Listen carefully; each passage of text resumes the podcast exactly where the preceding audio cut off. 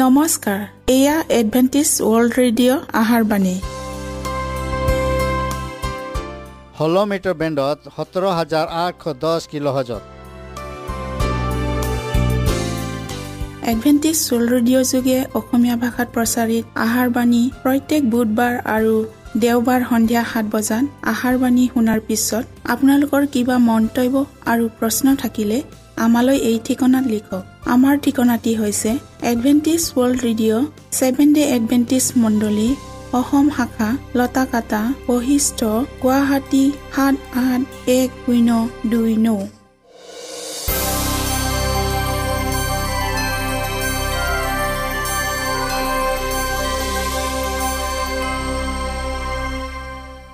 প্ৰিয় শ্ৰোতা বন্ধুসকল এতিয়া শুনো আহক এটি খ্ৰীষ্টীয় ধৰ্মীয় গীত।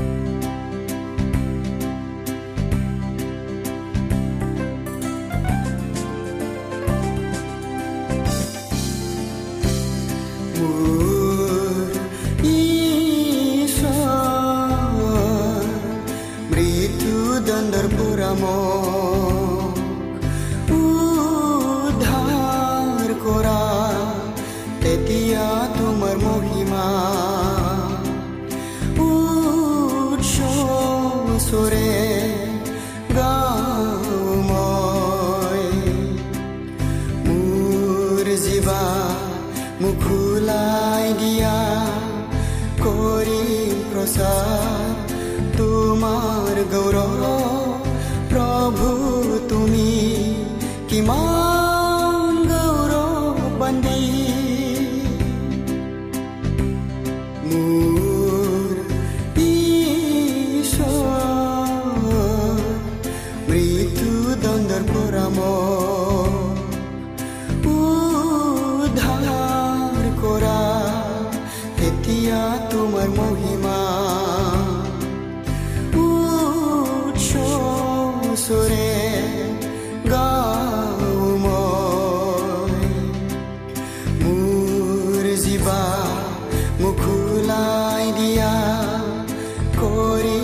প্ৰচাৰ তোমাৰ গৌৰৱ প্ৰভু তুমি কিমান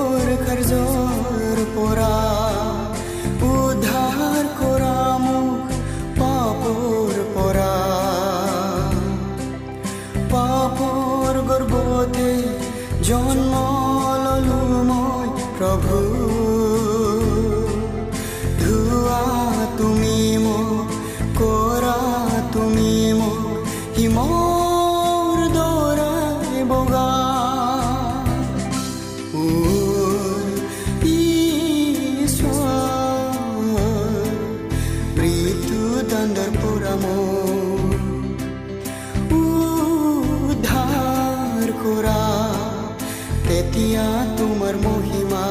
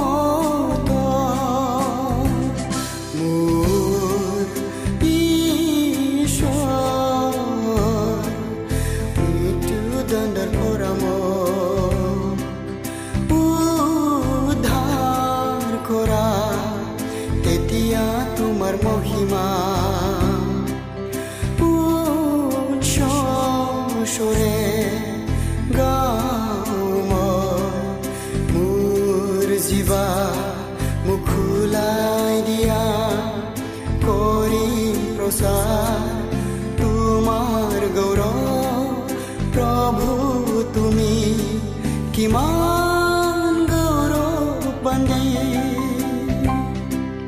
প্ৰভু তুমি কিমান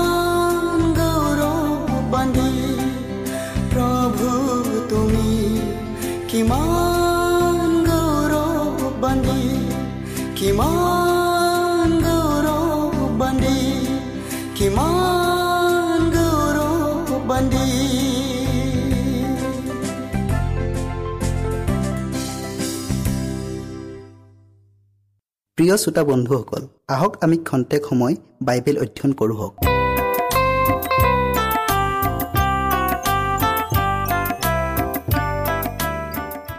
আজি আমি অনুগ্ৰহৰ সময়ক কিয় বঢ়োৱা হৈছে ইয়াৰ বিষয়ে অধ্যয়ন কৰোঁ হওক। বাইবেল পতি লোৱা হৈছে দ্বিতীয় পিতৰ তিনি অধ্যায়ৰ নৌ পদ কোনোৱে কোনোৱে যিহক পলম কৰা যেন জ্ঞান কৰে প্ৰভুৱে নিজ প্ৰতিজ্ঞাৰ কথাত তেনে পলম নকৰে। কোনো যেন বিনষ্ট নহয় কিন্তু সকলো যেন মন পালটনত প্ৰবৃত্ত হয়। তেওঁ এনে ইচ্ছা কৰি তোমালোকলৈ দীৰ্ঘ সহিষ্ণু হয় কিন্তু চোৰৰ নিচিনাকৈ প্ৰভুৰ দিন আহিব। আমি প্ৰাৰ্থনা কৰোঁ হওক সেই সৰ্বশক্তিমান প্ৰভু পুনৰাই আজি তোমাৰ বাক্য শুনিবলৈ এই সুযোগ দিলা তাৰ বাবে তোমাক ধন্যবাদ জনাইছোঁ। প্ৰভু আমি যি বিষয়টিলৈ অধ্যয়ন কৰিম সেই বিষয়টিলৈ বুজিবলৈ আমাক জ্ঞান আৰু বুদ্ধি দিয়া। সকলো শ্ৰোতাৰ হৃদয় পবিত্ৰ আত্মাৰ যোগেদি স্পৰ্শ কৰি দিয়া। প্ৰভু যীশুখ্ৰীষ্টৰ নামত খুজিলোঁ। আমেন। কৃষ্টৰ প্ৰতিমূৰ্তিৰ সৈতে বিলীন হোৱাতকৈ জগতৰ লগতহে বিলীন হোৱাটো যে কিমান বিপদৰ বিষয়। এতিয়া আমি অনন্তকলীয়া পৃথিৱীৰ সীমাৰ ওপৰত ভৰি থৈছোঁ হওক। কিন্তু এই সীমাৰ পৰা আমাক আঁতৰাই নিয়াটোৱে হৈছে আমাৰ শত্ৰুজনৰ অভিপ্ৰায়। যিসকলে প্ৰতাপ আৰু মহিমাৰে মেঘৰথেৰে নামি আহিবলগীয়া ত্ৰাণকৰ্তাজনাৰ দ্বিতীয় আগমনক বাট চাই আছে। আৰু বিধান পালনকাৰী ঈশ্বৰৰ লোক বুলি নিজকে পৰিচয় দিয়ে। সিহঁতক ভ্ৰষ্ট কৰিবলৈ ছয়তানে সকলো প্ৰকাৰৰ চেষ্টা চলাই আছে। দুৰ্দিনৰ দুৰ্দিনৰ সময়ত সিহঁতৰ মাজৰ পৰা যিমান পাৰে সিমানক সি ভুল পথে পৰিচালিত কৰিব আৰু সিহঁত জগতৰ দৰে আচৰণ কৰিব আৰু পৰম্পৰাগত মানুহৰ ৰীতি নীতিবোৰক অনুসৰণ কৰিব। যিসকলে উচ্চ পৰ্যায়ৰ সত্যতাৰ পোহৰক লাভ কৰিছিল সিহঁতৰ হৃদয় আৰু মনবোৰক জগতৰ অধিপতিজনে নিয়ন্ত্ৰণ কৰিছে। মানুহ হিচাপে সময় কমি অহাৰ কথা জানি আমি পৰ দি প্ৰাৰ্থনা কৰা উচিত। আৰু আমাৰ সন্মুখত আহি থকা সেই মহান দিনটোৰ বাবে নিজকে প্ৰস্তুত কৰাৰ যি পবিত্ৰ কাম সেই কামৰ পৰা নিজকে কোনোমতে আঁতৰ হ'বলৈ নিদিয়া উচিত। কাৰণ স্পষ্টভাৱে এই সময় আমাৰ বাবে ইতিমধ্যে বঢ়োৱা হ'ল। আজি বহুতে নিজৰ কথা বতৰা আৰু কামৰ ক্ষেত্ৰত অমনোযোগী হ'ল। সিহঁতে সিহঁতৰ বিপদক উপলব্ধি নকৰে আৰু দেখা নাপায়। আৰু ভৱিষ্যতৰ অমনশীলতা জীৱনৰ বাবে উপযোগী হোৱাতকৈ সিহঁতৰ চৰিত্ৰ গঠন কৰিবলৈ যাতে সিহঁতে সময় পাব পাৰে তাৰ বাবে সময় বঢ়াই দিয়া ঈশ্বৰৰ কৰোণাক সিহঁতে নুবুজে। সময়ৰ প্ৰতিটো মুহূৰ্তত উচ্চ মূল্য আছে। নিজৰ মনপুত বিষয়বোৰ অধ্যয়ন কৰিবলৈ আৰু জগতৰ অনুৰাগী হৈ জগতৰ বাসিন্দা হ'বলৈ সিহঁতক সময় দিয়া হোৱা নাই।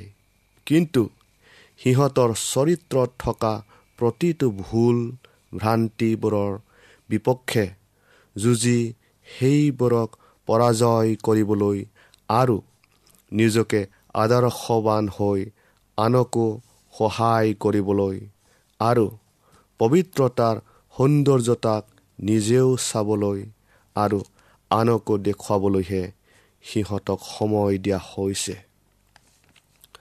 ঈশ্বৰৰ হাতত এনে কিছুমান মানুহ পৃথিৱীত আছে যিসকলে নিজ বিশ্বাসত আৰু আশাৰ দ্বাৰা ভাৱবাণীবোৰ যে অতি দ্ৰুতগতিত ফলিয়াব ধৰিছে তাক দেখুৱাই আছে। আৰু সিহঁতে সত্যতাৰ প্ৰতি বাধ্য হৈ নিজৰ জীৱনবোৰক অধিক অধিককৈ পবিত্ৰ কৰিবলৈ চেষ্টা কৰিছে যাতে কৃষ্টৰ আগমনত সিহঁতৰ গাত যেন বিয়াৰ সাজ নোহোৱা দেখা নাপায়। ভাৱবাণীত কৈ থোৱা চিনবোৰ আমাৰ চাৰিওফালে অতি দ্ৰুতগতিত ফলিয়াবলৈ লৈছে। এই ঘটনাই প্ৰতিজন প্ৰকৃত খ্ৰীষ্টানক নিজৰ কৰ্তব্যৰ প্ৰতি সক্ৰিয় হ'বলৈ জাগৃত কৰিব। প্ৰকাশিত বাক্য চৈধ্য অধ্যায়ৰ সাত পদটো আমি আকৌ চাওঁ হওক। ঈশ্বৰক ভয় কৰি তেওঁৰ গৌৰৱ স্বীকাৰ কৰা হওক কিয়নো সোধ বিচাৰৰ সময় আহিল। অনুসন্ধানমূলক বিচাৰৰ কাম আৰম্ভ কৰিবলৈ আমাৰ মহাপুৰুষিতজনাই স্বৰ্গীয় ধৰ্মধামৰ অতি পবিত্ৰ স্থানত প্ৰৱেশ কৰিলে। বিচাৰৰ নথি পত্ৰসমূহ মুকলি কৰাৰ লগে লগে যীচুক বিশ্বাস কৰা লোকসমূহৰ জীৱন কাহিনী ঈশ্বৰৰ সন্মুখত ভাহি উঠে।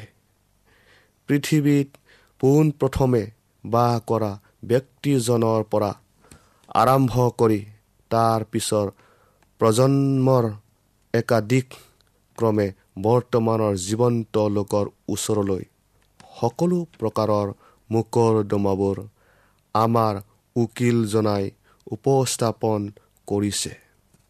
প্ৰতিজনৰ নাম মতা হৈছে প্ৰতি মোকৰ্দমা হুকুমভাৱে পঢ়িয়াই চোৱা হৈছে। নামবোৰৰ কিছুমানক গ্ৰহণ কৰা হৈছে কিছুমানক অগ্ৰাহ্য কৰা হৈছে।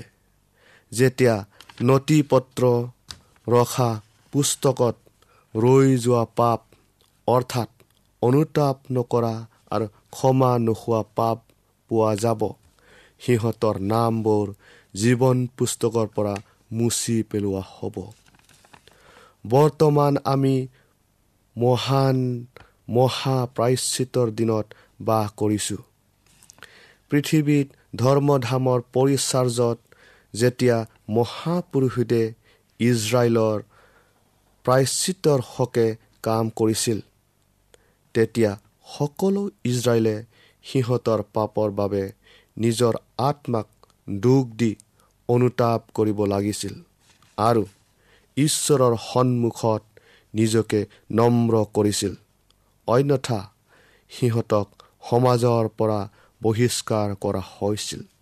সেই একেদৰে যিবিলাকৰ নাম জীৱন পুস্তকত লিখি ৰখা হৈছে এতিয়া অনুগ্ৰহৰ সময় আৰু কেইটামান দিন বাকী থকা অৱস্থাত নিজ নিজ পাপৰ বাবে দুখ কৰি আৰু প্ৰকৃত ৰূপে অনুতাপ কৰি নিজ নিজ আত্মাক কষ্ট দিয়া উচিত।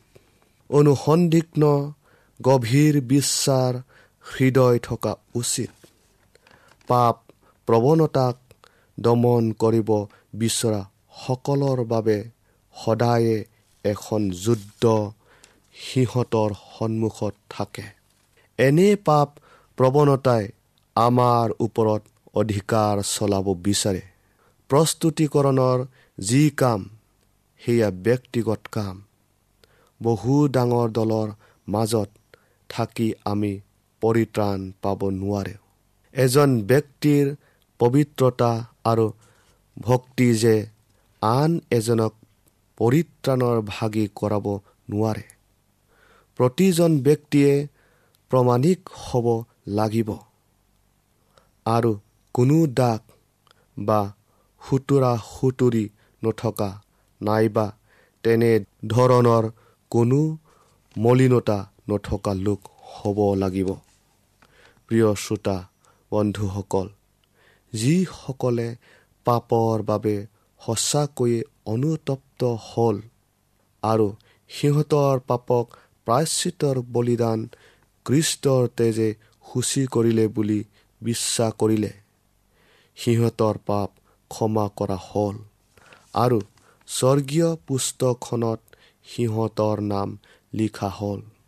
যেতিয়া সিহঁত কৃষ্টৰ ধাৰ্মিকতাৰ সমভাগী হ'ল আৰু ঈশ্বৰৰ বিধানৰ লগত সিহঁতৰ চৰিত্ৰবোৰ একত্ৰিত হোৱা দেখা পোৱা যায় সিহঁতৰ পাপবোৰ মচি পেলোৱা হয়। আৰু সিহঁত অনন্ত জীৱনৰ বাবে উপযুক্ত বুলি বিবেচিত হয়। প্ৰিয়সকল প্ৰভুৱে ঘোষণা কৰিছে মই ময়ে মোৰ নিজৰ নিমিত্তে তোমাৰ অধৰ্মবোৰ মোচন কৰোঁ আৰু তোমাৰ পাপবোৰ মনত নাৰাখিম। গতিকে প্ৰিয় শ্ৰোতা বন্ধুসকল আহক আমি জীৱন পুস্তকত নাম ভৰ্তি কৰিবলৈ নিজকে সাজু কৰোঁ হওক। ঈশ্বৰে আপোনালোকক আশীৰ্বাদ কৰক।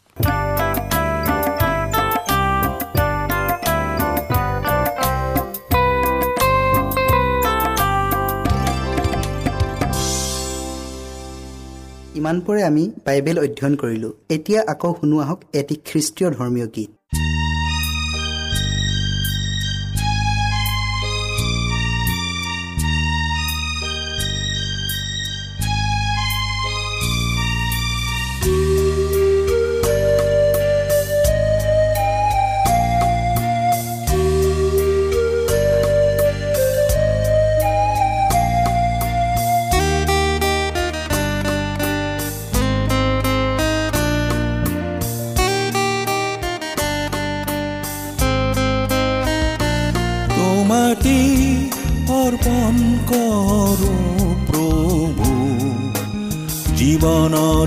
প্ৰতিটো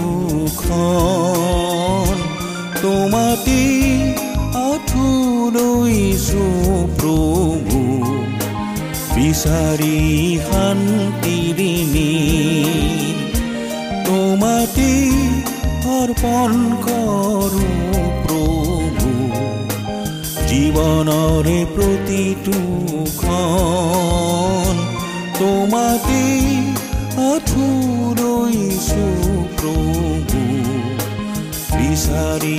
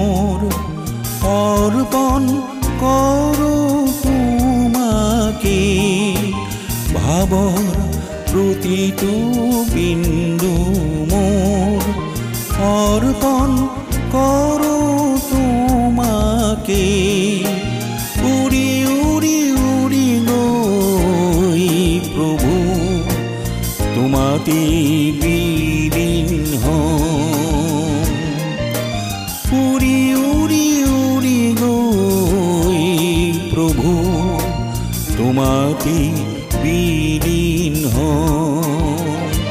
তোমাতে অৰ্পণ কৰো প্ৰভু জীৱনৰে প্ৰতিটো ক্ষণ তোমাতে আঠুলৈছো প্ৰভু বিচাৰি শান্তিৰ নীত তোমাতে অৰ্পণ জীৱনৰে প্ৰতিটো ক্ষণ তোমাতে আঠুলৈছো প্ৰভু বিচাৰি শান্তিৰ নীত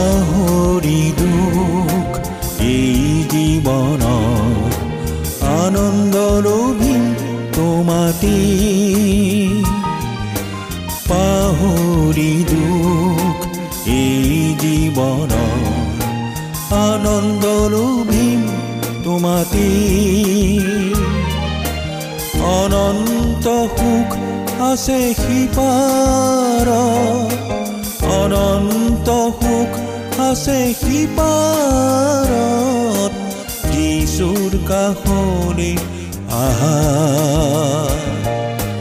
যিচুৰ কাষৰে আহা তোমাতে অৰ্পণ কৰো প্ৰভু জীৱনৰে প্ৰতিটো ক্ষণ তোমাতে আঠুলৈছো প্ৰভু বিচাৰি শান্তিৰ নীত তোমাতে অৰ্পণ কৰো প্ৰভু জীৱনৰে প্ৰতিটো ক্ষণ তোমাতে আঠুলৈছো প্ৰভু বিচাৰি শান্তিৰ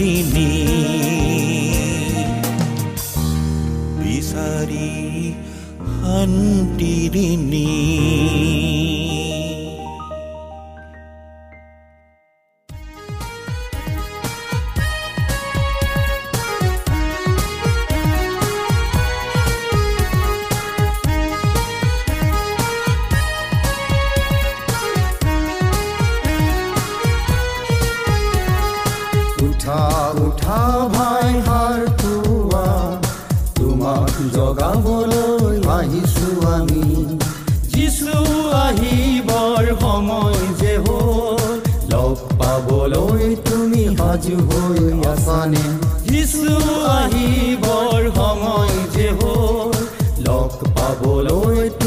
সাজু হৈ আছানে উঠা উঠা ভাই হাৰ পোৱা তোমাক জগাবলৈ আহিছো আমি।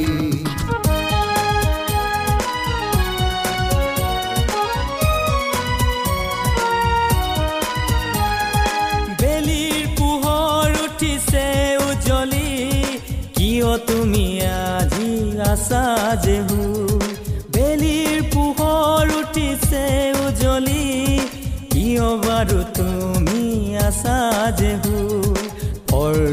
থাকিলেহে যিচুক লগ পাবা।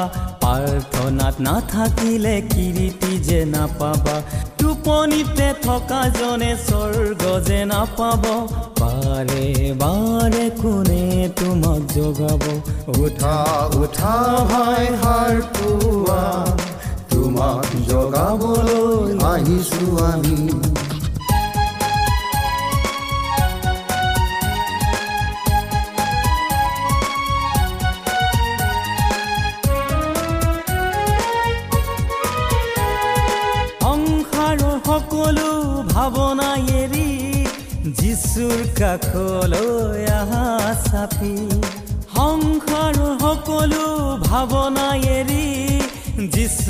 কাষলৈ আহা চাপি যিজন নাহিব ৰক্ষা যে নাপাব ৰক্ষা পোৱাজনে জীৱন পাব দুবাহু মেলি তেওঁ আছে বাচ্চা মাতিছে তোমাক আজি আহাহে ঘূৰি উঠা উঠা ভাই হাৰ পুৱা তোমাক জগাবলৈ আহিছো আমি উঠা উঠা ভাই হাৰ পুৱা তোমাক জগাবলৈ আহিছো আমি।